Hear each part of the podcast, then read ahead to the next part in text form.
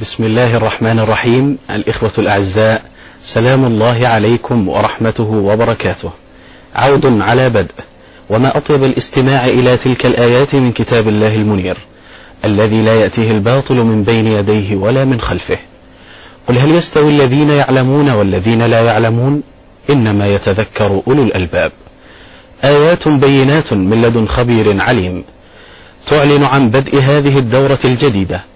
من برنامج الأكاديمية العلمية من خلال هذه القناة المباركة بإذن الله تعالى.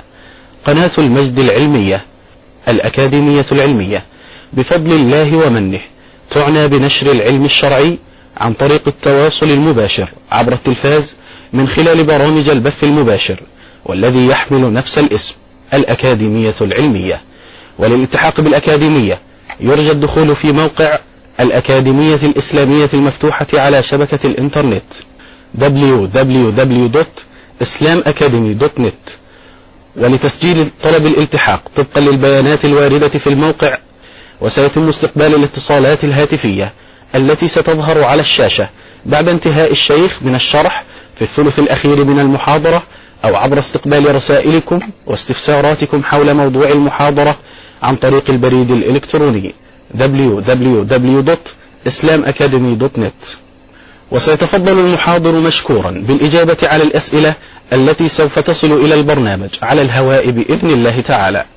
نسأل الله تعالى أن يتقبل منا صالح الأعمال. واليوم نبدأ على بركة الله أولى حلقات برنامج الأكاديمية العلمية مع فضيلة الشيخ محمد حسان من جمهورية مصر العربية ليشرح لنا الأصول الثلاثة.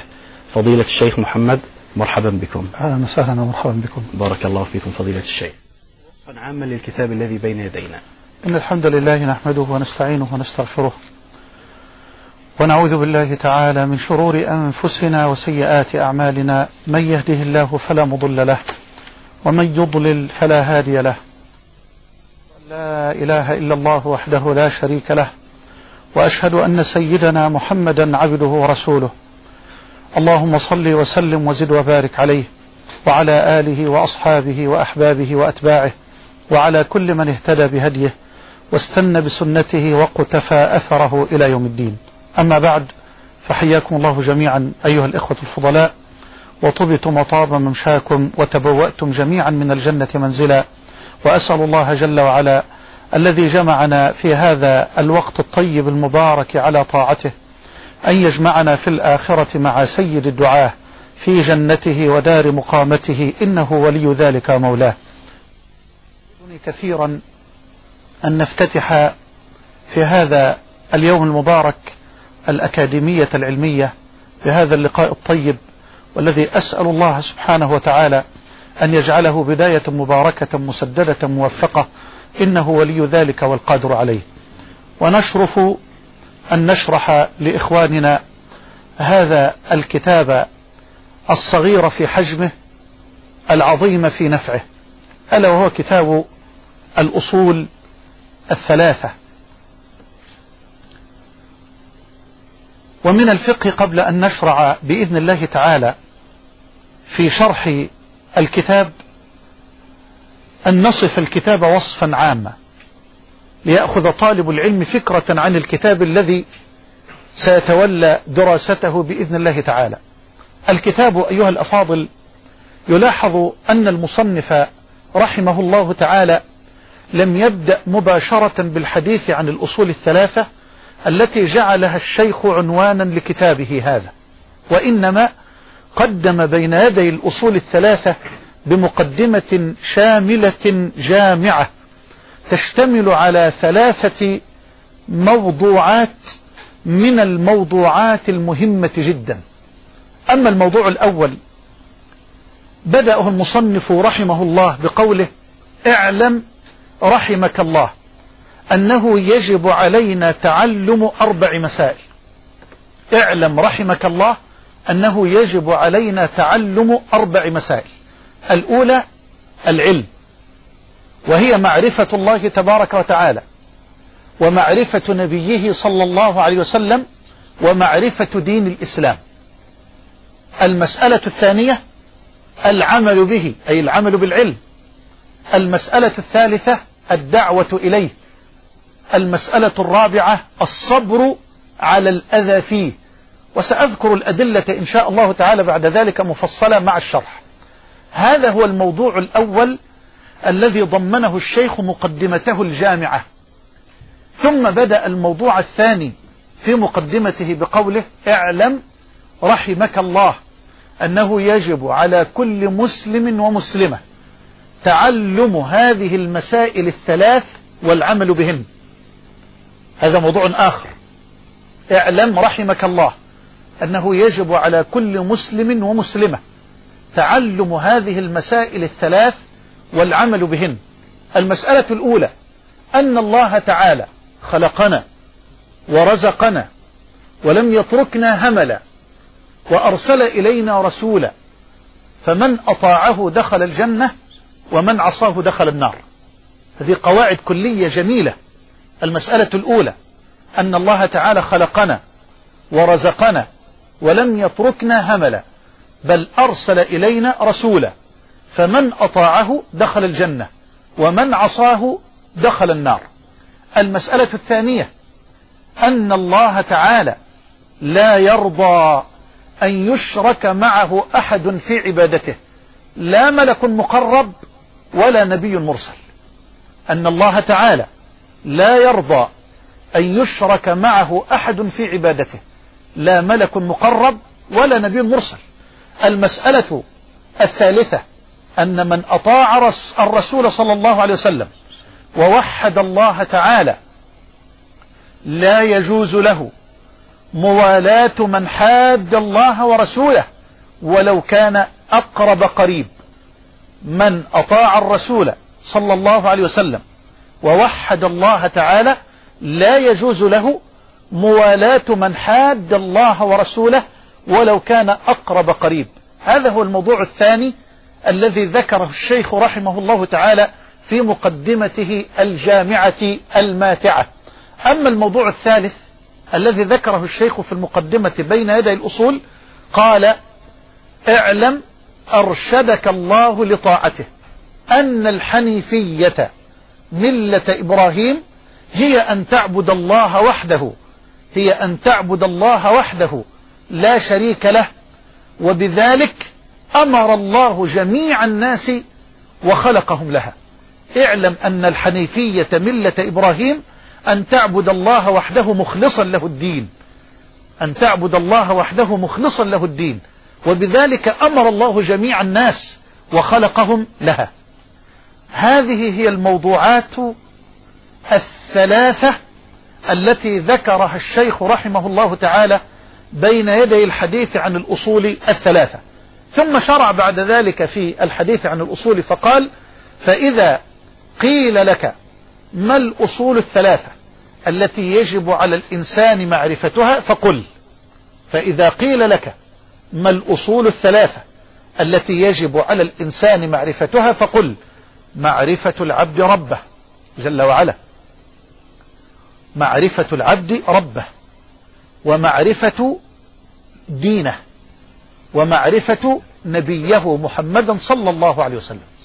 ثم ختم المصنف رحمه الله تعالى كتابه هذا ببعض قضايا الإيمان باليوم الآخر كالإيمان بالبعث والحساب. هذا وصف مجمل عام للكتاب الذي بين أيدينا. وكما ذكرت أيها الأحبة الكتاب مع صغر حجمه هو لا يتجاوز خمس ورقات مع صغر حجمه إلا أنه عظيم الفائدة بل لا أبالغ أبدا إن قلت بأن الكتاب مع هذه المقدمات التي ذكرها الشيخ رحمه الله بين يدي الأصول الثلاثة يشتمل على الدين كله بدون مبالغة كما سنتولى ذلك بالشرح والتفصيل إن شاء الله تعالى. تفضل الشيخ عبد الرحمن اقرأ علي الفقرة الأولى من الكتاب لنبدأ الشرح. قال المصنف رحمه الله بسم الله الرحمن الرحيم. اعلم رحمك الله أنه يجب علينا تعلم أربع مسائل. الأولى العلم وهو معرفة الله ومعرفة نبيه صلى الله عليه وسلم ومعرفة دين الإسلام بالأدلة. الثانية العمل به. الثالثة الدعوة إليه. الرابعة الصبر على الأذى فيه. نعم. إذا استهل المصنف رحمه الله تعالى كتابه بالبسملة. فقال بسم الله الرحمن الرحيم. اقتداء بالقرآن الكريم. فلقد بدأت كل صور القرآن الكريم بالبسملة باستثناء سورة براءة. واقتداء بالنبي صلى الله عليه وسلم. فمن الثابت أنه صلى الله عليه وسلم كان يبدأ كتبه بالبسملة. ففي صحيح البخاري أنه صلى الله عليه وسلم أرسل كتابا إلى هرقل. قال فيه بسم الله الرحمن الرحيم. من محمد عبد الله ورسوله إلى هرقل عظيم الروم. من محمد عبد الله ورسوله إلى هرقل عظيم الروم. سلام على من اتبع الهدى. أما بعد فإني أدعوك بدعاية الإسلام. أسلم تسلم. يؤتك الله أجرك مرتين إلى آخر كتابه المبارك صلى الله عليه وسلم. الشاهد أن النبي صلى الله عليه وسلم قد بدأ كتابه هذا بالبسملة. فالمصنف رحمه الله تعالى اقتداء بالقرآن الكريم واقتداء بالنبي صلى الله عليه وسلم بدأ كتابه القيم المبارك هذا أيضا بالبسملة. والبسملة أيها الأحبة الحديث فيها طويل جليل. ستعجب إذا علمت أن الإمام القرطبي رحمه الله تعالى في الجامع لأحكام القرآن الكريم قد ذكر في البسملة سبعا وعشرين مسألة. في البسملة فقط ذكر فيها سبعا وعشرين مسألة. بسم الله أي أبدأ تصنيفي. وأبدأ عملي هذا وأبدأ كتابي هذا بسم الله. أبدأ عملي وتصنيفي وكتابي هذا بسم الله وما أعظمها وأكرمها وأشرفها من بداية. ولقد حث الشرع الحنيف وندب إلى ذكر اسم الله تبارك وتعالى مع كل فعل من الأفعال كالأكل والشرب والنوم والركوب والجماع وغير ذلك من الأعمال.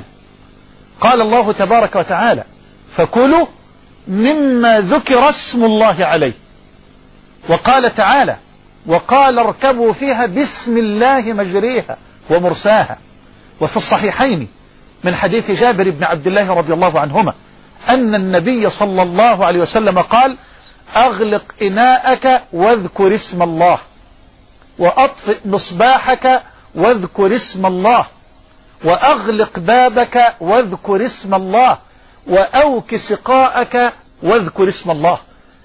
فاذكر اسم الله تبارك وتعالى على كل شيء. اذكر اسم الله عز وجل على كل شيء. وفي الصحيحين أيضا من حديث عمر ابن أبي سلمة رضي الله عنهما أن النبي صلى الله عليه وسلم قال له يا غلام سم الله. سم الله وكل بيمينك وكل مما يليك. يا غلام سم الله وكل بيمينك وكل مما يليك. إذا البدء أيها الأحبة بسم الله في كل شيء بركة. نحتاج إليها في زمن جفت فيه ينابيع البركة. نحتاج إلى أن نبدأ بالبسملة في كل فعل وعمل من الأعمال في زمن الماديات والشهوات. فما أبركها وأشرفها وأعظمها من بداية أن تبدأ القول بسم الله وأن تبدأ الفعل والعمل بسم الله. قال الله جل وعلا ولو أن أهل القرى آمنوا واتقوا لفتحنا عليهم بركات من السماء والأرض. فإننا في زمان الماديات والشهوات أسقط كثير من الناس من قواميس حياتهم مفهوم البركة ومعنى البركة. وإنها والله لنعمة من نعم الله تبارك وتعالى يمتن الله عز وجل بها على من يشاء من عباده. أن يبارك الله عز وجل له في وقته وفي عمره وفي قوله وفي فعله وفي نومه وفي طعامه وفي شرابه. فإذا أردت أن يبارك الله لك وأن يبارك الله عليك فعليك أن تبدأ قولك وعملك بسم الله. ولو أن أهل القرى آمنوا واتقوا لفتحنا عليهم بركات من السماء والأرض. بسم الله. الله. لفظ الجلالة هو الاسم المفرد العلم الدال على كل الأسماء الحسنى والصفات العلى. الله هو الاسم المفرد العلم الدال على جميع الأسماء الحسنى والصفات العلى. لذا كل الأسماء الحسنى تنسب إليه فأنت تقول الملك والقدوس والسلام والمؤمن والمهيمن والعزيز والجبار إلى غير ذلك من أسماء الجلال كل هذه الأسماء من أسماء الله. ولا تقول الله من أسماء القدوس. ولا تقول الله من أسماء المؤمن. ولا تقول الله من أسماء الملك. فكل الأسماء الحسنى تنسب إليه. فهو الاسم المفرد العلم الدال على جميع الأسماء الحسنى والصفات العلى. والصحيح كما قال ابن القيم رحمه الله تعالى أنه مشتق من الإله. أنه مشتق من الإله. والإله هو المعبود الذي يستحق أن يفرد وحده بالعبادة والألوهية. بسم الله. الرحمن الرحيم.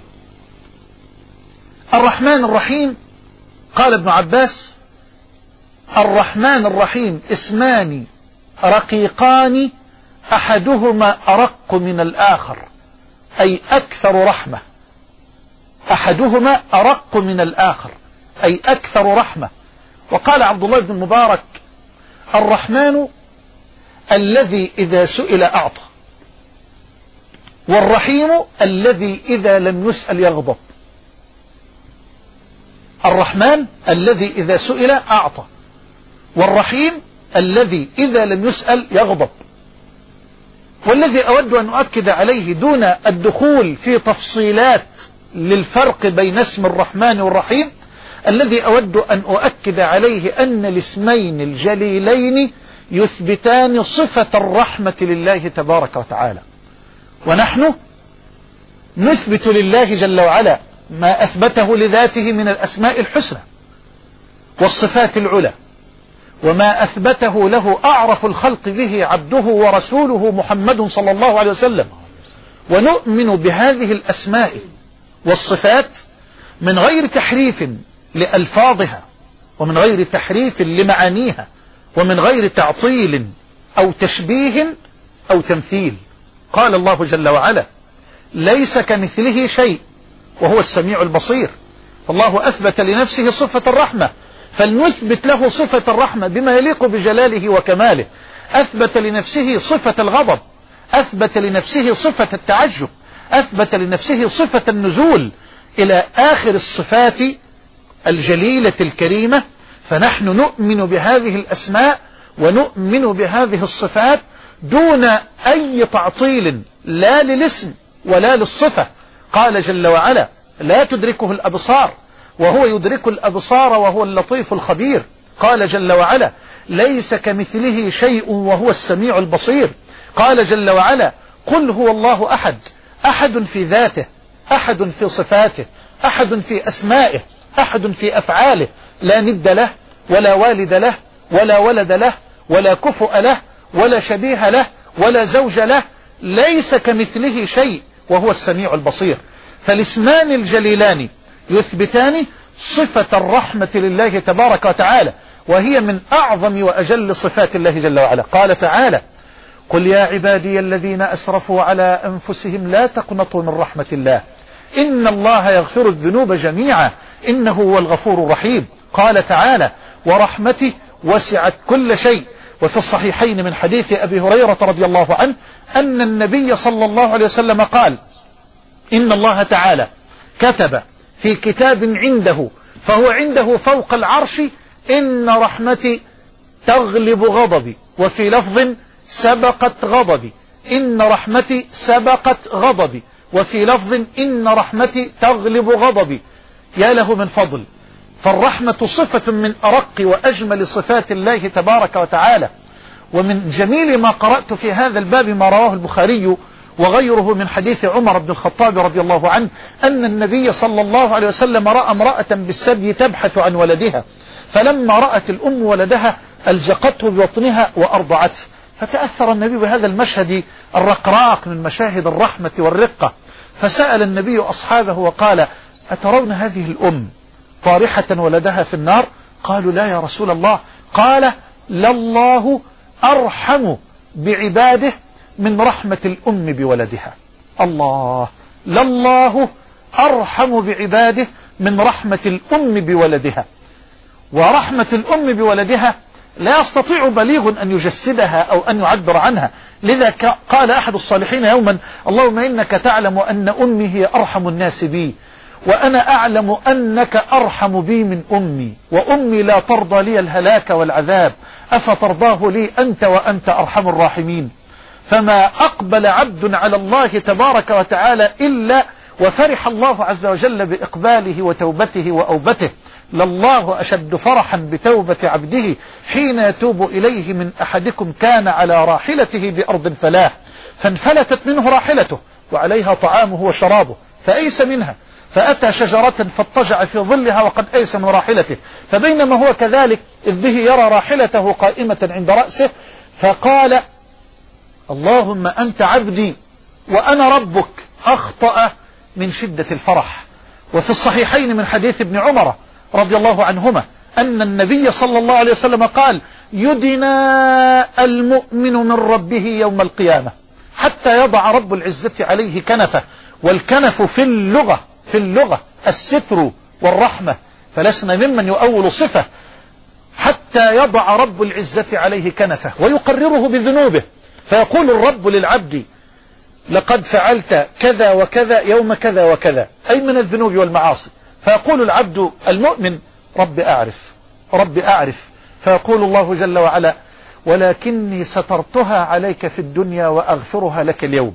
والحديث عن الرحمة حديث طويل جليل جميل لكن الذي أود أن أؤصله وأؤكد عليه أن الاسمين الجليلين الرحمن الرحيم يثبتان صفة الرحمة لله تبارك وتعالى ونحن نثبت لله ما أثبته لذاته من أسماء الجلال وصفات الكمال من غير تحريف ولا تعطيل ولا تمثيل. قال جل جلاله ليس كمثله شيء وهو السميع البصير. أعد عليه مرة أخرى قول المصنف رحمه الله تعالى بعد البسملة. قال المصنف اعلم رحمك الله أنه يجب علينا تعلم أربع مسائل. الأولى العلم وهو معرفة الله ومعرفة نبيه صلى الله عليه وسلم. حسبك. قال المصنف رحمه الله تعالى اعلم رحمك الله. ما أجملها من بداية. انظر إلى شفقة المصنف. انظر إلى رقته ورحمته بمن يدعوهم إلى الله تبارك وتعالى. اعلم رحمك الله. بداية يستثير بها الاهتمام. بداية يستجيش بها العواطف. بداية يحرك بها الوجدان. اعلم رحمك الله.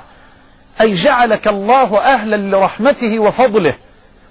وأود أن أقف هنا لحظات لأذكر طلبة العلم والدعاة إلى الله تبارك وتعالى. أن يبدأوا دعوتهم مع المكلفين ومع المخلوقين ومع الناس برحمة برقة. شتان شتان بين أن تبدأ الحديث مع مكلف أو مدعو بقوله اعلم رحمك الله بابتسامة مشرقة وبين قولك كذا كذا كذا أو يجب عليك كذا أو افعل كذا بغلظة وقس وقسوة. محال. محال أن تستحوذ على قلبه. لكن افتح قلبه بكلمة رقيقة.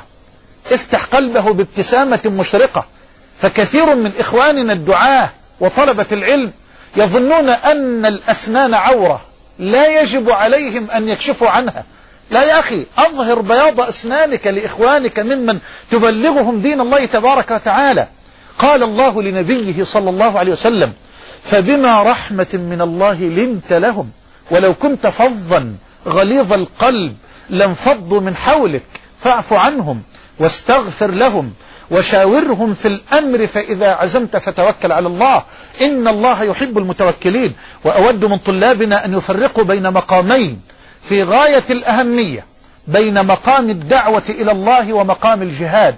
لأنني أرى خلطا رهيبا بين مقام الدعوة والجهاد. فمقام الجهاد غلظة ورجولة. يا أيها النبي جاهد الكفار والمنافقين واغلظ عليهم. لكنك في مقام الدعوة لست في مقام جهاد. وإنما في مقام دعوة مقام الدعوة الرحمة مقام الدعوة الحكمة مقام الدعوة اللين. وهذا المنهج الدعوي أيها الأحبة منهج توقيفي توقيفي. لن يدعه ربنا تبارك وتعالى لنبي من الأنبياء ولا لرسول من الرسل فضلا عن داعية من الدعاء وإنما هو منهج توقيفي لا يختلف باختلاف الزمان والمكان.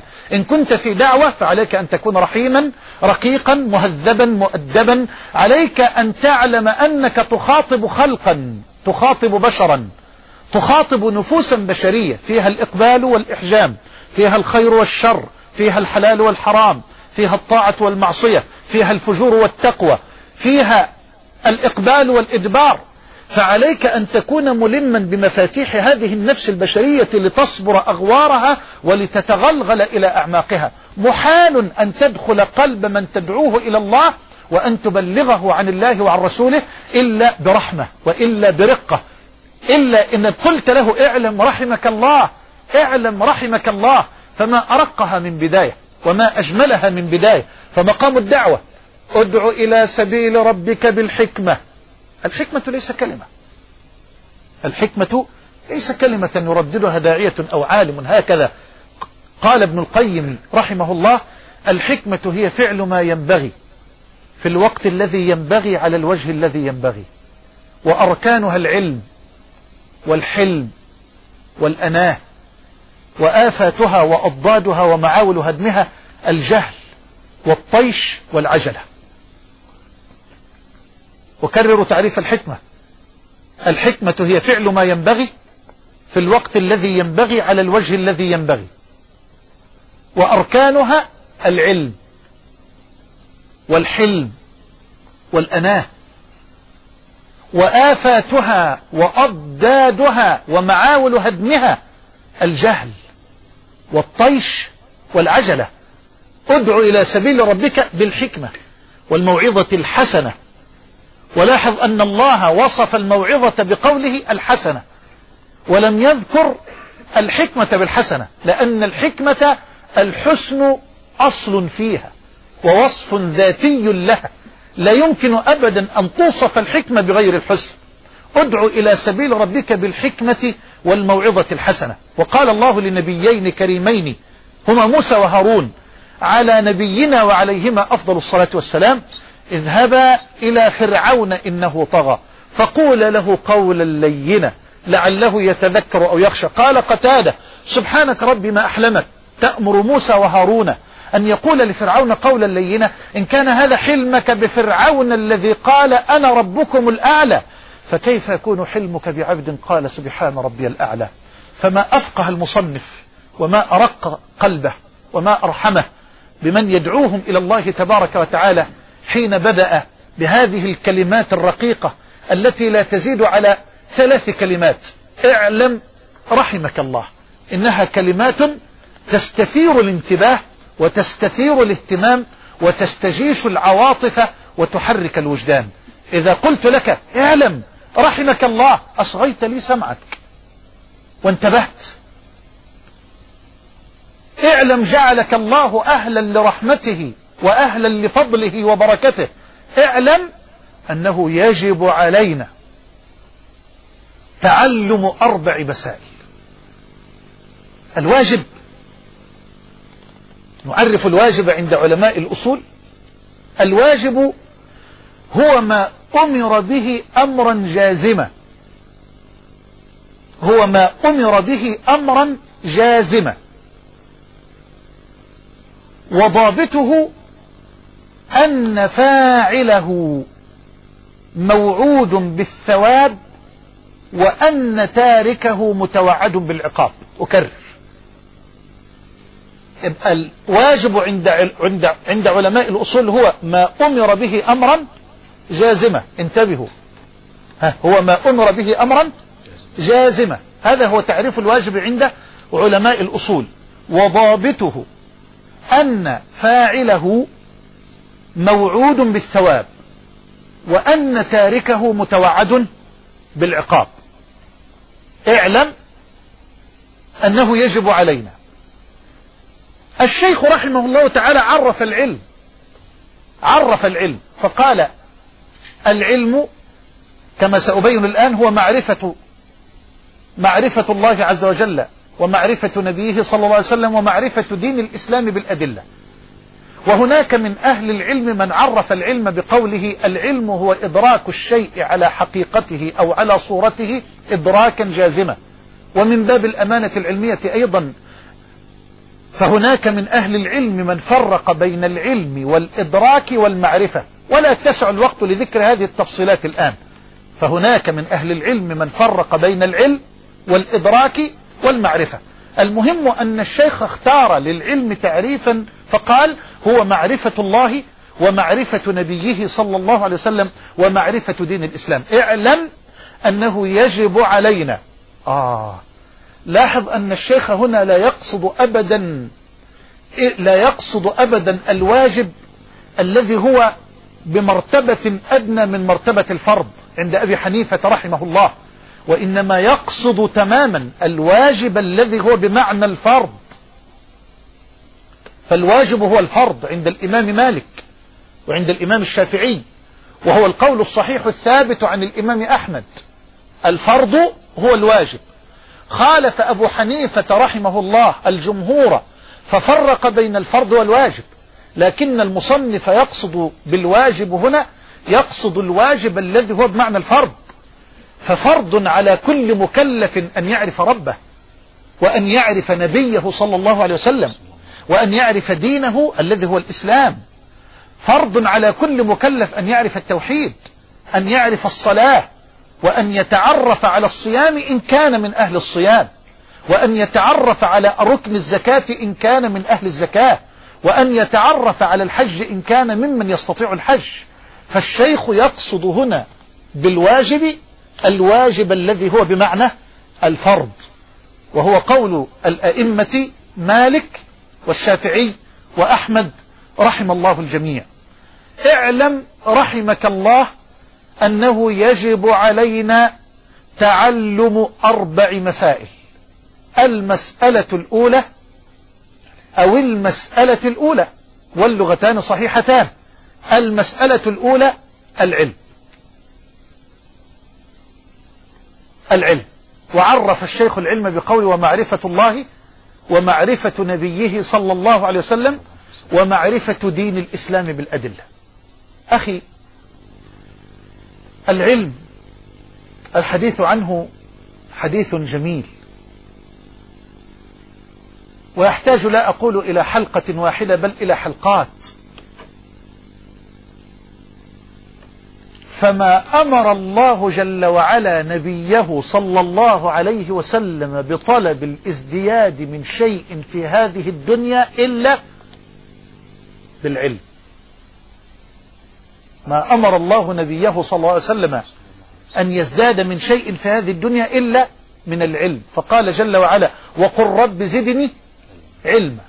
وقل رب زدني علما. فالعلم هو الأنيس في الوحدة.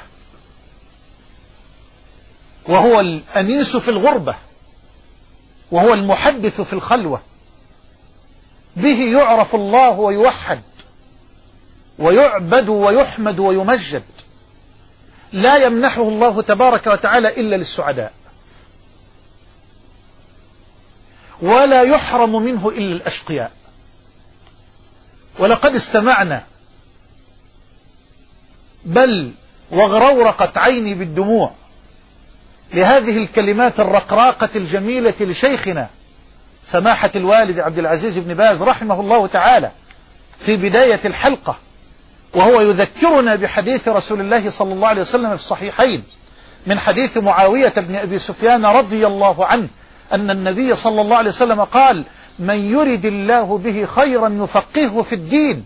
فقال الشيخ فمن لم يتفقه في الدين ما أراد الله به خيرا ولا حول ولا قوة إلا بالله. فمن أراد الله به الخير علمه فقهه في دين الله تبارك وتعالى.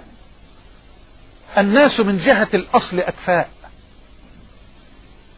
أبوهم آدم والأم حواء. نفس كنفس وأرواح مشابهة وأعظم خلقت فيهم وأعضاء.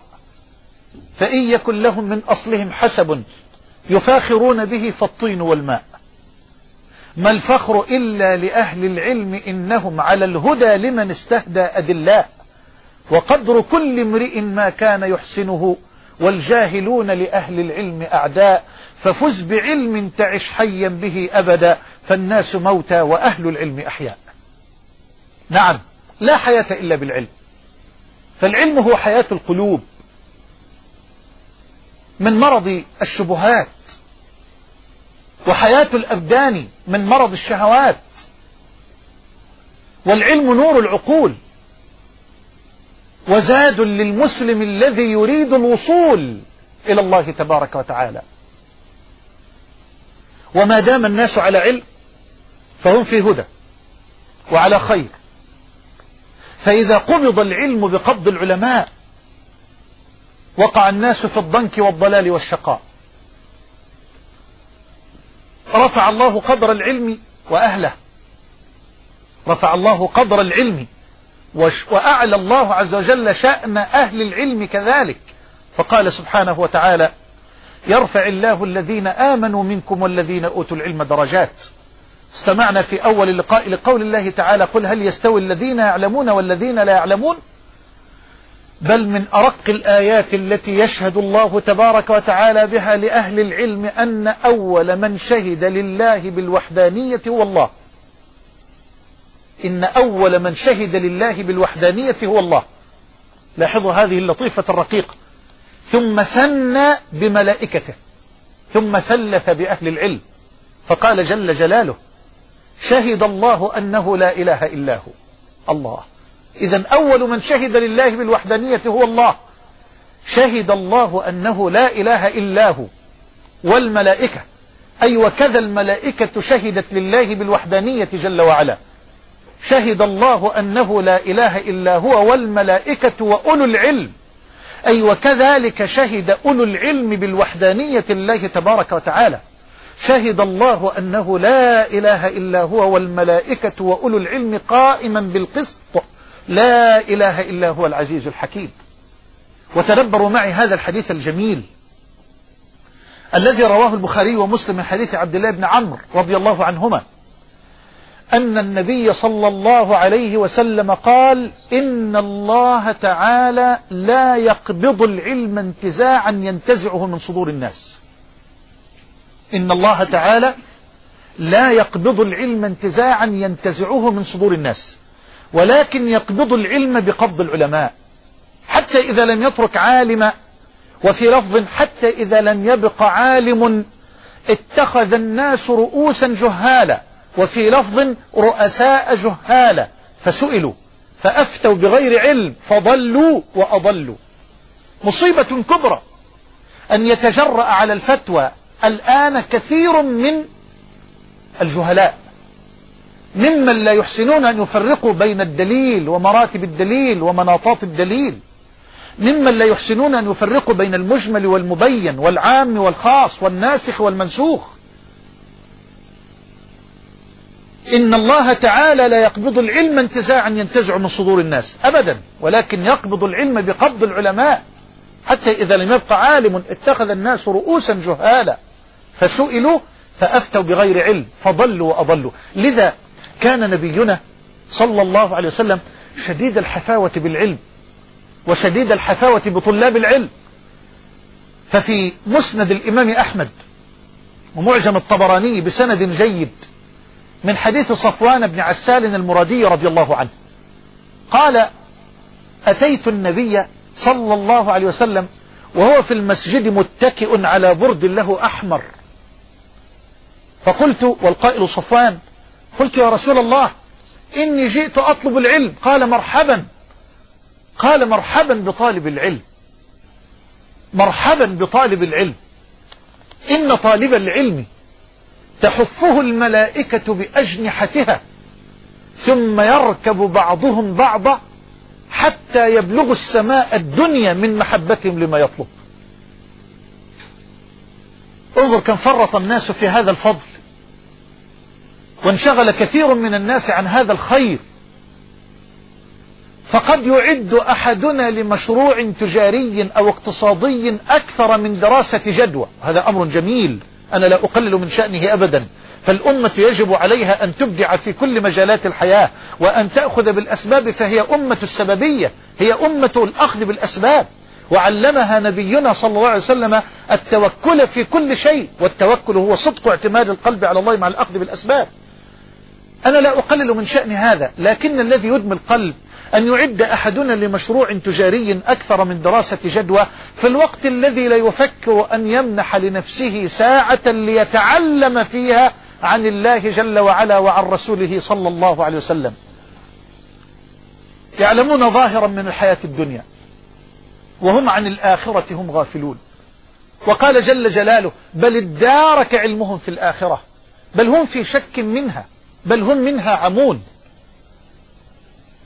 فهو يعلم ظاهرا من الحياة لكنه يعلم شيئا عن الله ولا يعلم شيئا عن أسماء جلاله ولا عن صفات كماله ولا يعلم شيئا عن نبيه صلى الله عليه وسلم ولا يعلم شيئا عن دين الإسلام لا عن الإسلام ولا عن الإيمان ولا عن الإحسان ولا عن أركان الإيمان لا يعلم شيئا عن هذا.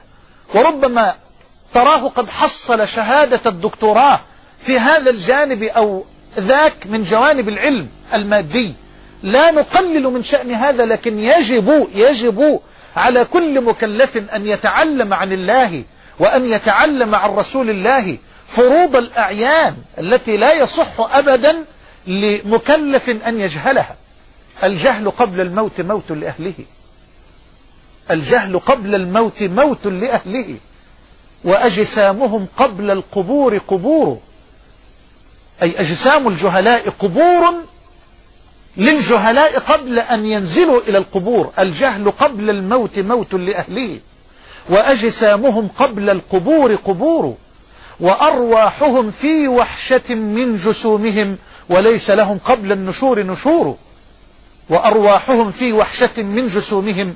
وليس لهم قبل النشور نشور.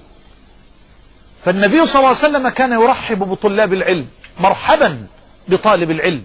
إن طالب العلم تحفه الملائكة بأجنحتها ثم يركب بعضهم بعضا حتى يبلغوا السماء الدنيا من محبتهم لما يطلب. ومن جميل ما قرأت في هذا الباب ما رواه الترمذي وابن ماجة والنسائي وغيرهم بسند حسن بشواهده من حديث أبي الدرداء رضي الله عنه أن النبي صلى الله عليه وسلم قال من سلك طريقا يلتمس فيه علما سهل الله له طريقا إلى الجنة. وهذا له أصل في صحيح مسلم هذه الفقرة. من سلك طريقا يلتمس فيه علما سهل الله له طريقا إلى الجنة. وإن الملائكة لتضع أجنحتها لطالب العلم رضا بما يصنع. انتبه انتبه. وإن الملائكة لتضع أجنحتها لطالب العلم رضا بما يصنع. وإن العالم ليستغفر له من في السماوات ومن في الأرض. حتى الحيتان في الماء. وفضل العالم على العابد كفضل القمر على سائر الكواكب وإن العلماء ورثة الأنبياء وإن الأنبياء لم يورثوا دينارا ولا درهما إنما ورثوا العلم فمن أخذه أخذ بحظ وافر. الله الله الله. وفي سنن الترمذي بسند حسن من حديث أبي أمامة الباهلي رضي الله عنه. أن النبي صلى الله عليه وسلم ذكر له رجلان أحدهما عابد والآخر عالم. فقال عليه الصلاة والسلام فضل العالم على العابد كفضلي على أجناكم انظر إلى فضل العلم. لتكون صاحب همة عالية في الطلب. فمن يتهيب صعود الجبال يعش أبد الدهر بين الحفر. ولم أر في عيوب الناس عيبا كنقص القادرين على التمام. ما أكثر الأوقات التي نضيعها. ذكر للنبي صلى الله عليه وسلم رجلان أحدهما عابد والآخر عالم. فقال عليه الصلاة والسلام فضل العالم على العابد كفضلي أي كفضل النبي محمد. صلى الله عليه وسلم على أدناكم ويله من فضل لا يعرف هذا الفضل إلا الله كفضلي على أدناكم. وفي صحيح مسلم من حديث أبي واقد الليثي رضي الله عنه أن النبي صلى الله عليه وسلم بينما هو يجلس يوما بين أصحابه في حلقة علم أقبل ثلاثة نفر. أما أحدهم فرأى فرجة فجلس فيها. وأما الآخر فاستحيا يعني استحيا أن يتخطى الرقابة والصفوف ونسأل الله أن يرزقنا الحياء.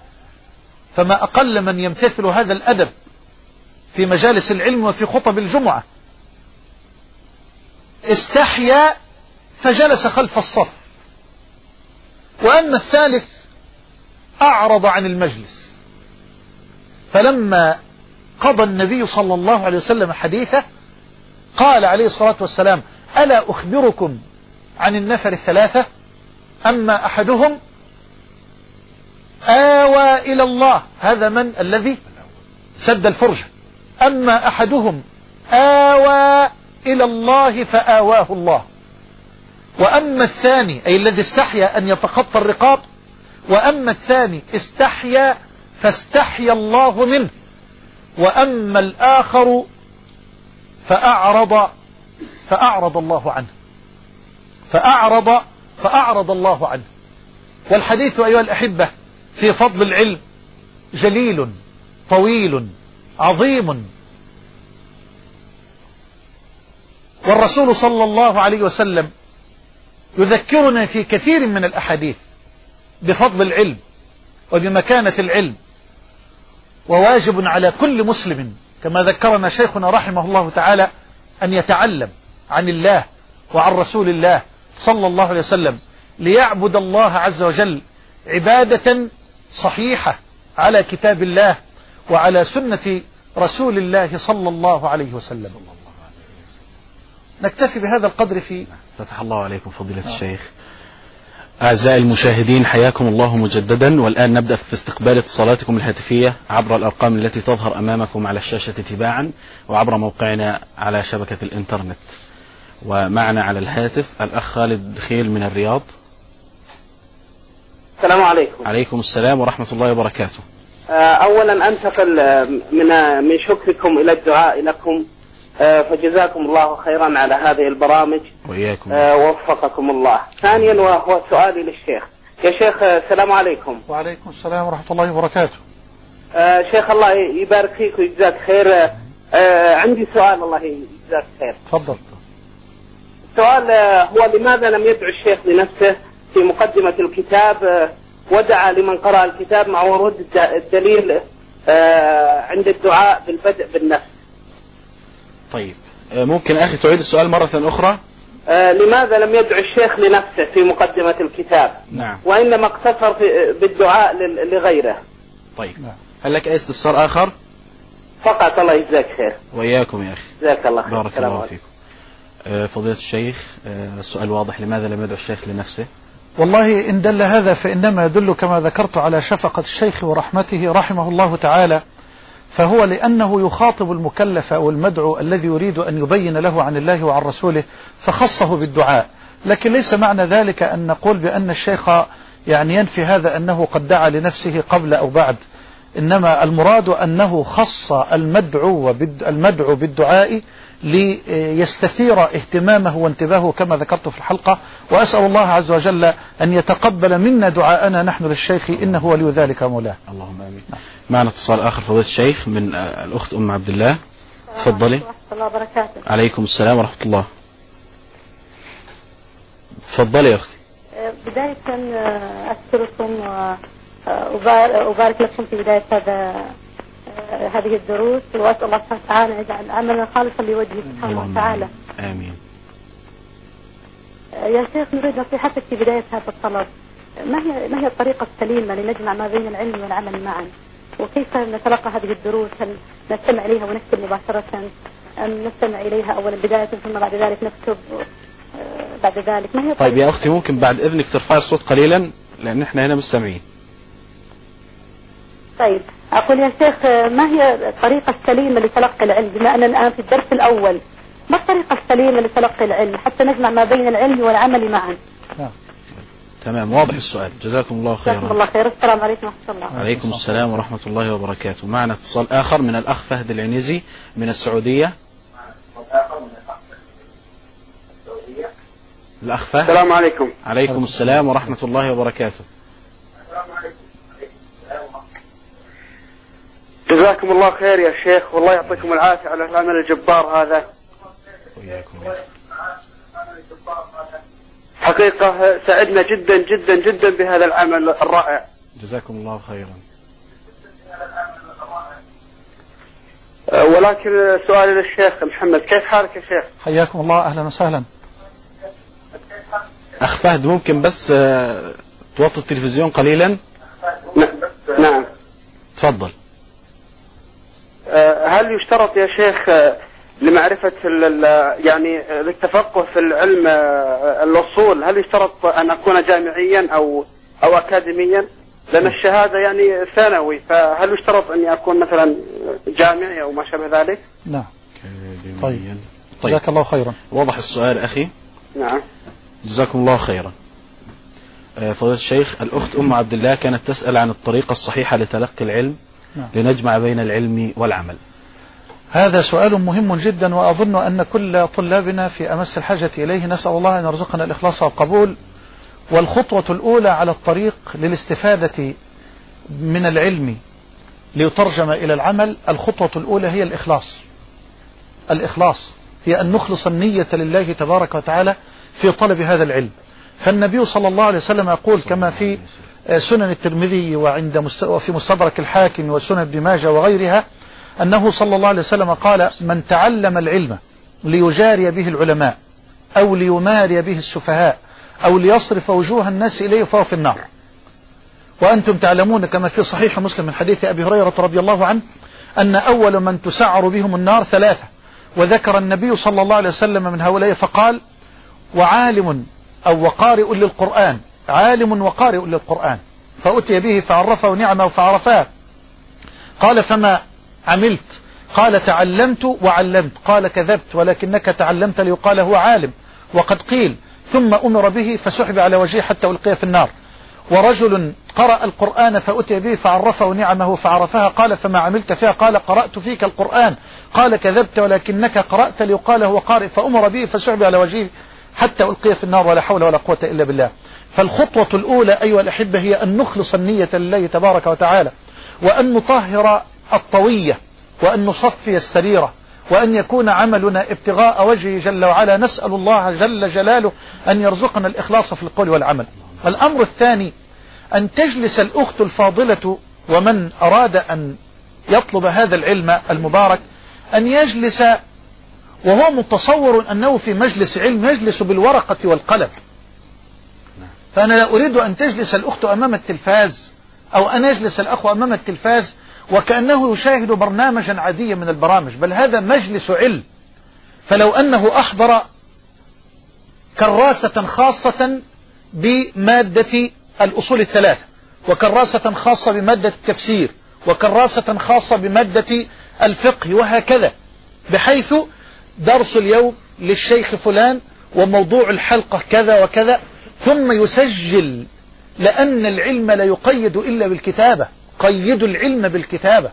وفي مسند أحمد بسند صحيح من حديث عبد الله بن عمرو رضي الله عنهما أنه قال كنت أكتب كل شيء أسمعه من رسول الله صلى الله عليه وسلم أريد حفظه.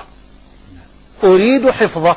فنهتني قريش عن ذلك وقالوا رسول الله بشر يتكلم في الغضب والرضا فأمسكت عن الكتابة ثم ذكرت ذلك لرسول الله صلى الله عليه وسلم فأشار النبي إلى فمه المبارك وقال لعبد الله اكتب فوالذي نفسي بيده ما خرج مني إلا الحق. الشاهد قول عبد الله بن عمرو كنت أكتب كل شيء أسمعه من رسول الله أريد حفظه. فعلى الأخت الفاضلة أن تجلس وأن تقيد ما استطاعت تقييده من هذه الحلقات ومن هذه البرامج. الأمر الثالث أن تجعل لنفسها وقتا لمراجعة ما كتبت بيدها. وإن احتاجت إلى أن تزيد على ما كتبت زادت بالعودة إلى المراجع وإلى كتب أهل العلم.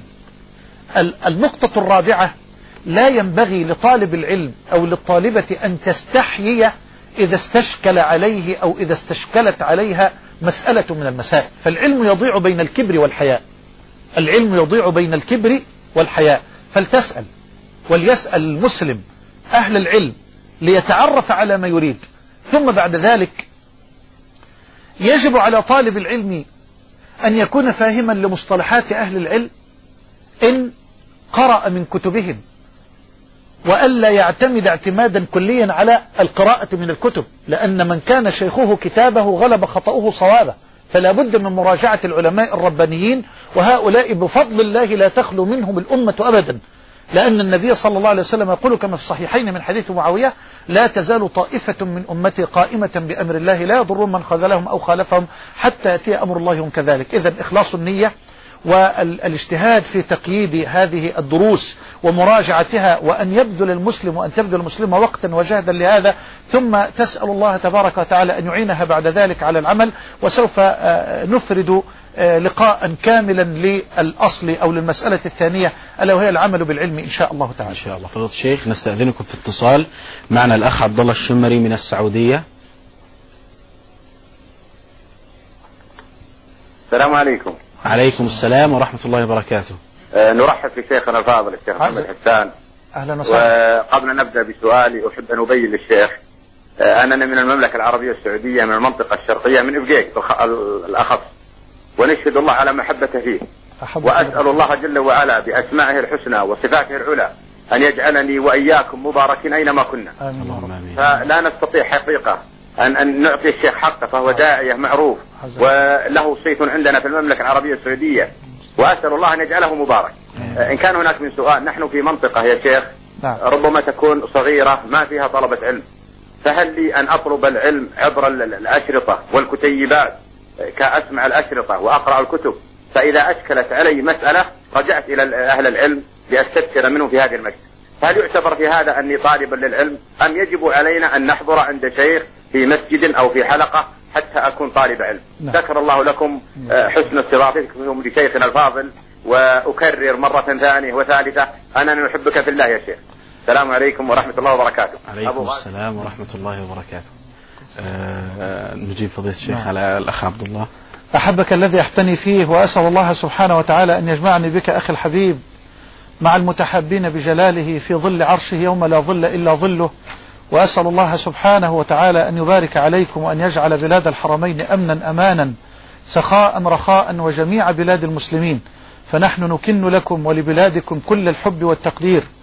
وأسأل الله سبحانه وتعالى أن يجمعني بكم في الدنيا على طاعته. وفي الآخرة في جنات النعيم. والجواب أخ- أخي الحبيب قال الشاطبي رحمه الله تعالى في كتابه الماتع الموافقات أنفع الطرق لتحصيل العلم طريقان. أنفع الطرق لتحصيل العلم طريقان. هذا كلام علماء الأصول. الطريق الأول المشافهة. والمشافهة بمعنى أن يجلس طالب العلم بين يدي شيخه. هذا أنفع الطرق لتحصيل العلم. المشافهة وهي أن يجلس طالب العلم بين يدي شيخه ومعلمه. ومن جميل ما قال فإن الله تعالى يفتح على طالب العلم بين يدي شيخه ومعلمه بما لا يفتح به عليه دونه. قد يمكث الطالب ساعة كاملة في المكتبة بين بطون الكتب والمجلدات تستشكل عليه مسألة فلا يعرف إشكالها. فإذا جلس بين يدي الشيخ فقرأ الشيخ عليه المسألة بطريقة معينة. فوقف عند كلمة وبدأ بكلمة. وفسر لفظة واحدة حل له لغز وإشكال المسألة. هذه بركة من فضل الله تبارك وتعالى يجدها الطالب في مجلس العلم. والرسول صلى الله عليه وسلم قال ذلك. ففي مجلس العلم تتنزل الرحمات وتغشان الملائكة. ويذكرنا الله تبارك وتعالى في من عنده فلا شك أن مجلس العلم مجلس للرحمة والبركة. هذا هو الطريق الأول وهو أنفع الطرق. لكن من رحمة الله بنا كما تفضل أخونا الحبيب أخونا عبد الله أن كل أحد لا يستطيع الآن في ظل هذه الأزمنة وفي هذا الزمان وفي ظل هذه الظروف أن يذهب ليجلس بين يدي الشيخ كما يريد. قال الشاطبي رحمه الله الطريق الثاني مطالعة كتب المصنفين من أهل العلم من المتقدمين المتحققين بالعلم الشرعي فإنهم أحرى بالعلم من غيرهم بشرط أن يكون الطالب فاهما لمصطلحاتهم. هذا طريق آخر من رحمة الله بنا. من لم يتيسر له أن يذهب إلى الشيخ ليجلس بين يديه فليطالع كتب العلماء فليطالع كتب المصنفين. ولا مانع أن يسأل عالما من العلماء كما ذكر أخونا الحبيب إن استشكلت عليه مسألة أن يتصل على عالم من العلماء أو أن يجمع مجموعة من المسائل كما كنت أفعل أنا مع شيخي ابن عثيمين رحمه الله تعالى أجمع مجموعة من المسائل وأذهب إليه زيارة واحدة لأعرض عليه المسائل فيجيب لي على ما أريد وأنصرف فلو جمع الطالب العلم لو جمع طالب العلم مجموعة من المسائل وسافر سفرا طويلا لشيخ من المشايخ من أهل العلم وعرض عليه المسائل وبين له إشكالاتها ثم عاد فهذا جميل. أو عبر الهاتف فهذا أيضا جميل. أو إن استمع إلى الأشرطة فمن فضل الله عز وجل. هذه وسيلة من الوسائل التي من الله بها علينا في هذا الزمان. وأشرطة المشايخ قد شرحت كتبا بكاملها. فسيرى شرحا لكتب كاملة لمشايخنا وعلمائنا الأكارم الأجلاء. فلا حرج إن تعذر على الطالب أن يذهب إلى الشيخ أن يطالع كتب المصنفين وأن يستمع إلى أشرطتهم. وإن استشكلت عليه مسألة من المسائل فليرجع إلى عالم من العلماء أو إلى داعية من الدعاة. والله أسأل ألا يحرمنا وإياكم من طلب العلم حتى نلقاه. إنه ولي ذلك مولاه اللهم آمين. أو يتصل بقناة المجد العلمية. لا بأس. نستأذنكم في اتصال.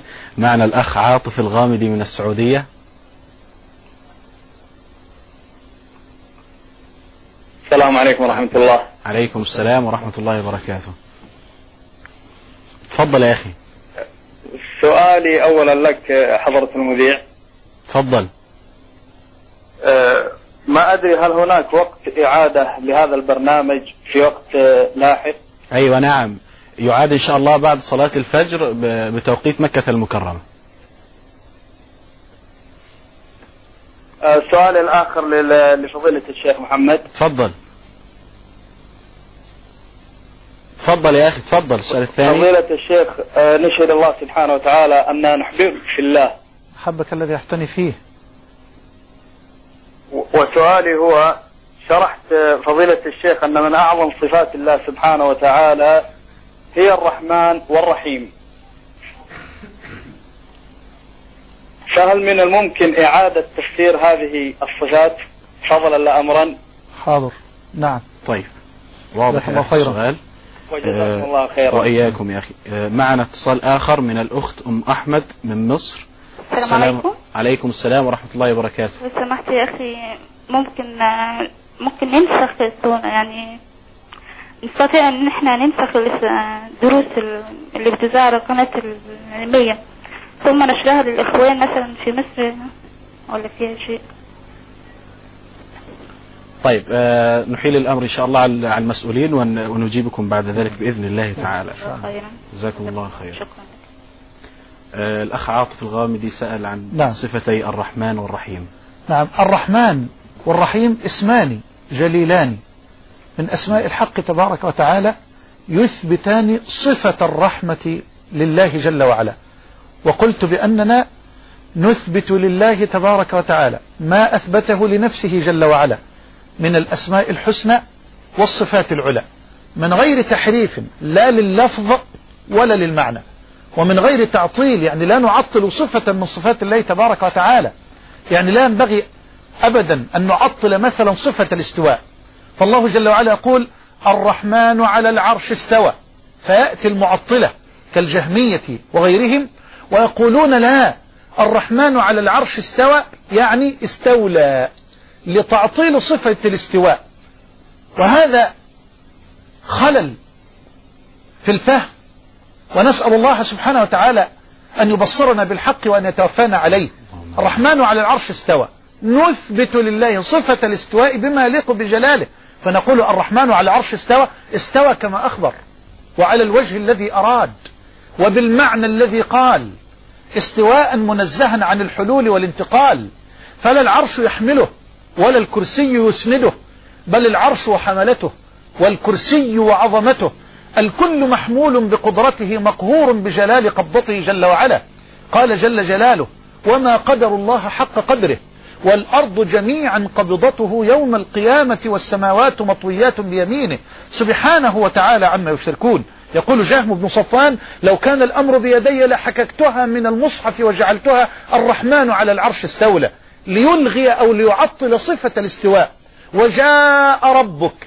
يقولون وجاء أمر ربك لإلغاء أو لتعطيل صفة التنزل أو النزول الحق تبارك وتعالى. لا الله جل وعلا يتنزل كل ليلة إلى السماء الدنيا. حين يمضي ثلث الليل الأول تنزلا يليق بكماله وجلاله وهكذا. فكل فكل اسم وكل صفة أثبتها الله لذاته وأثبتها نبيه صلى الله عليه وسلم له فنحن نؤمن بها. من غير تحريف لا للفظها ولا لمعناها. ومن غير تعطيل أو تشبيه أو تمثيل فمن أعظم الأصول أننا لا نشبه الحق تبارك وتعالى في أسمائه وصفاته بالمخلوقين. فالله يتكلم وأنا أتكلم. لكن هل كلامي ككلام الحق تبارك وتعالى؟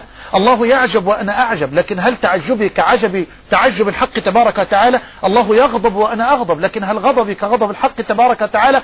اقطع الطمع في إدراك كيفية الذات.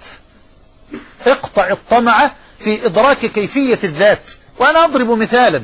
لهؤلاء الذين يريدون أن يفلسفوا حتى هذه المسائل العقلية فلسفة عقلية. وأقول هل ينكر صاحب عقل رشيد أن عالما يسمى بعالم النمل يعيش بيننا؟ والجواب لا.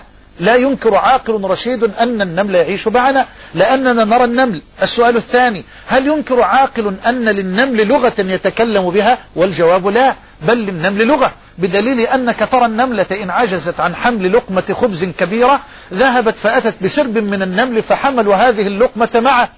إذا والقرآن يثبت صفة, صفة الكلام للنمل حتى إذا أتوا على واد النمل قالت نملة يا أيها النمل ادخلوا مساكنكم الآيات. السؤال الثالث هل طمع عاقل في أن يأتي بمكبر صوت عبر كست ووضعه يوما بين مجموعة من النمل ليسجل لغة النمل والجواب لا لم يطمع عاقل في ذلك. قطع العقلاء الطمع في إدراك كيف يتكلم النمل. أفنقطع الطمع في إدراك كيف يتكلم النمل وهو من خلق الله ولا نقطع الطمع في إدراك كيف يتكلم الله وهو الخالق. فاقطع الطمع في إدراك كيفية الذات. فالله تبارك وتعالى له أسماء نثبتها. وله صفات نثبتها. بما يليق بكماله وجلاله تبارك وتعالى. قال جل وعلا ليس كمثله شيء وهو السميع البصير. فالاسمان الجليلان يثبتان صفة الرحمة لله تبارك وتعالى وهي من أجل صفات الله ومن أرق وأعظم صفات الحق تبارك وتعالى ورحمة الله لا تحدها حدود. ذكرت بعض الأدلة. أذكر دليلا جديدا في هذا الباب أيضا. ففي الصحيحين ففي الصحيحين من حديث أبي هريرة رضي الله عنه أن النبي صلى الله عليه وسلم قال إن الله تعالى جعل الرحمة مئة جزء. الله الله الله. إن الله تعالى جعل الرحمة مئة جزء. فأنزل إلى الأرض جزءا واحدا وأمسك عنده تسعة وتسعين جزءا. اللهم ارحمنا فإنك بنا راحم. أنزل إلى الأرض خلي بالك جزءا واحدا. يقول النبي فمنه أي فمن ذلك الجزء قال فمن ذلك الجزء يتراحم الخلائق حتى ترى الدابة ترفع حافرها عن ولدها خشية أن تصيبه. انظر إلى الرحمة. يعني رحمة النبي صلى الله عليه وسلم. جزء من جزء من مئة جزء من رحمة الله. لأن الله أنزل من رحمته إلى الأرض جزءا واحدا. من هذا الجزء رحمة رسول الله. رحمة الأم بولدها رحمة الطبيب بمريضه رحمة الغني بالفقير رحمة القوي بالضعيف. كل صورة من صور الرحمة تلمسها وتراها في الكون إنما هي جزء من جزء من مئة جزء من رحمة الرحمن الرحيم. جل وعلا نسأل الله أن يجعلنا أهل الرحمة وفضله. آمين. معنا اتصال من الأخت سارة من السعودية. السلام عليكم. وعليكم السلام. آه نشكر الله الذي من على هذه القناة بهذه الكوكبة من العلماء. نعم. فجزاهم الله خير الجزاء آه عندي مجموعة أسئلة. بالنسبة لطالب العلم في بداية الطلب هل لابد أن يكون حافظا لكتاب الله؟ نعم. آه السؤال الثاني هل يستطيع المبتدئ في الطلب أن يجمع كل العلوم يعني يشارك فيها كلها؟ التوحيد الفقه التفسير وهكذا. آه ثم السؤال الأخير هذا القناة بالنسبة للتسجيل هل لو يكون باسم مستعار بينما الاسم الحقيقي يبقى في الأكاديمية يعني محتفظ لا يظهر يعني على الشاشة. في آه، هذا بالنسبة للموقع. وجزاكم الله كل خير. وإياكم. آه، السؤال الأخير نحيل إلى موقع الأكاديمية أرسليه وإن شاء الله يتم الإجابة عليه. آه، معنا اتصال آخر من الأخ أبو شهد من السعودية. السلام عليكم. السلام عليكم. عليكم السلام ورحمة الله وبركاته. كيف حالك يا شيخ؟ كلمة الشيخ لو سمحت. أيوة تفضل يا أخي. أهلا مرحبا. آه، لو تكرمت يا شيخ آه، هل ستفرغ آه، المحاضرات بشكل يومي بملفات وورد؟ يعني بمكتبة ال- الموقع؟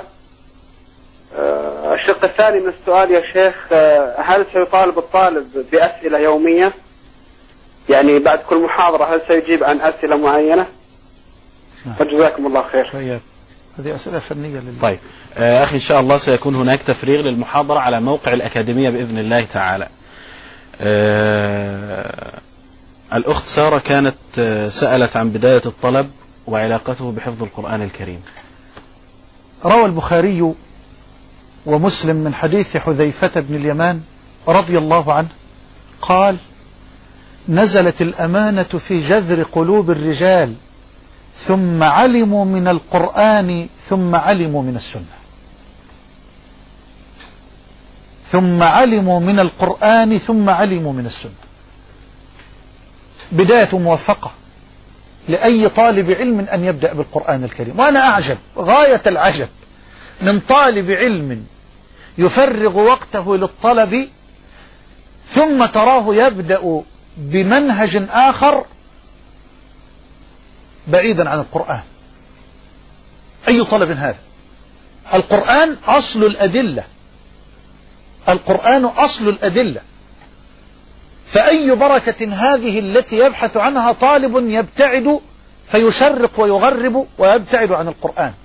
بل أنا أقول يا إخوة القرآن القرآن هو كتاب الإيمان الأول وهو كتاب العقيدة الأول وهو كتاب التوحيد الأول. إذا أردت أن تتعرف على التوحيد وإذا أردت أن تؤصل الإيمان في قلبك فعليك بالقرآن لأن القرآن من أوله إلى آخره في قضية الإيمان. من سورة الفاتحة إلى الناس في قضية الإيمان. لأن القرآن حديث مباشر عن الله عن ذاته عن أسمائه عن صفاته عن أفعاله أو حديث عن أهل الإيمان الذين حققوا الإيمان وما أعد الله لهم في الدنيا والآخرة أو حديث عن من وقعوا في الشرك وكفروا بالله ولم يحققوا الإيمان وعما أعد الله لهم في الدنيا والآخرة أو حديث عن الجنة التي جعلها الله دارا لأهل الإيمان أو حديث عن النار التي جعلها الله دارا لأهل الكفر والعياذ بالله. فالقرآن كله كتاب في الإيمان فأنا أنصح طالب العلم أن يبدأ بكتاب الله تبارك وتعالى. طالب العلم الذي يبدأ بالقرآن له سمت. له سمت. الطالب الذي يبدأ بباب من أبواب الجرح والتجريح. لا أقول بالجرح والتعديل حتى. الجرح والتجريح. يبدأ الطالب بالتعرف على ما يسمى الآن بالتصنيف. بداية شؤ لا ترى الطالب يحسن أن يقرأ سورة المطففين والله والله لقد رأيت طالبا من الطلاب لما تنبت لحيته بعد ولما ينبت شاربه ودخلت عليه في مكتبة ما فوجدت الطالب جالسا يحقق حديثا يحقق حديثا فسعدت به قلت أحقق حديثا لا أقول خرج. وإذ بالطالب أقول له يا أخي ها تعالى ما هو الحديث؟ قال كذا. قلت هذا حديث صحيح. قال من صححه يا شيخ؟ قلت الشيخ الألباني. قال معلش أصل الشيخ كان متساهلا في التصحيح. قلت اقرأ سورة المطففين والله ما قرأها. فأنا أنصح الطالب أن يبدأ بكتاب الله تبارك وتعالى وأن يثني بحديث رسول الله صلى الله عليه وسلم وأن يقرأ أو أن يدرس منهجا واحدا من مناهج العلم فإن أنهى المنهج يرجع إلى منهج آخر وهكذا. وأسأل الله سبحانه وتعالى أن ينفعنا بما علمنا وأن يرزقنا قلوبا خاشعة وأعينا وآذانا واعية وأن يتقبل منا ومنكم جميعا صالح الأعمال. إنه ولي ذلك ومولاه فتح الله عليك فضيلة الشيخ. للأسف دهمنا الوقت ونعتذر للإخوة الذين راسلونا على طريق الإنترنت على أمل اللقاء بهم إن شاء الله وإجابة أسئلتهم فيما بعد. آه، أعزائي المشاهدين انتهى وقت البرنامج ولم ينتهي بعد حديثنا مع فضيلة الشيخ محمد حسان في شرح الأصول الثلاثة. والسلام عليكم ورحمة الله وبركاته.